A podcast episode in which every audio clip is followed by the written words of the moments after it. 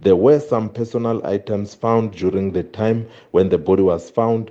These items include an identity document, a mobile phone, as well as uh, clothes or outfits similar to those worn by the man who is subject to the probe during his disappearance. The Provincial Commissioner of the SAPS in Mpumalanga, Lieutenant General Semakaleng Daphney Manamela, has already assembled a team of experts in the investigation field to thoroughly probe this matter.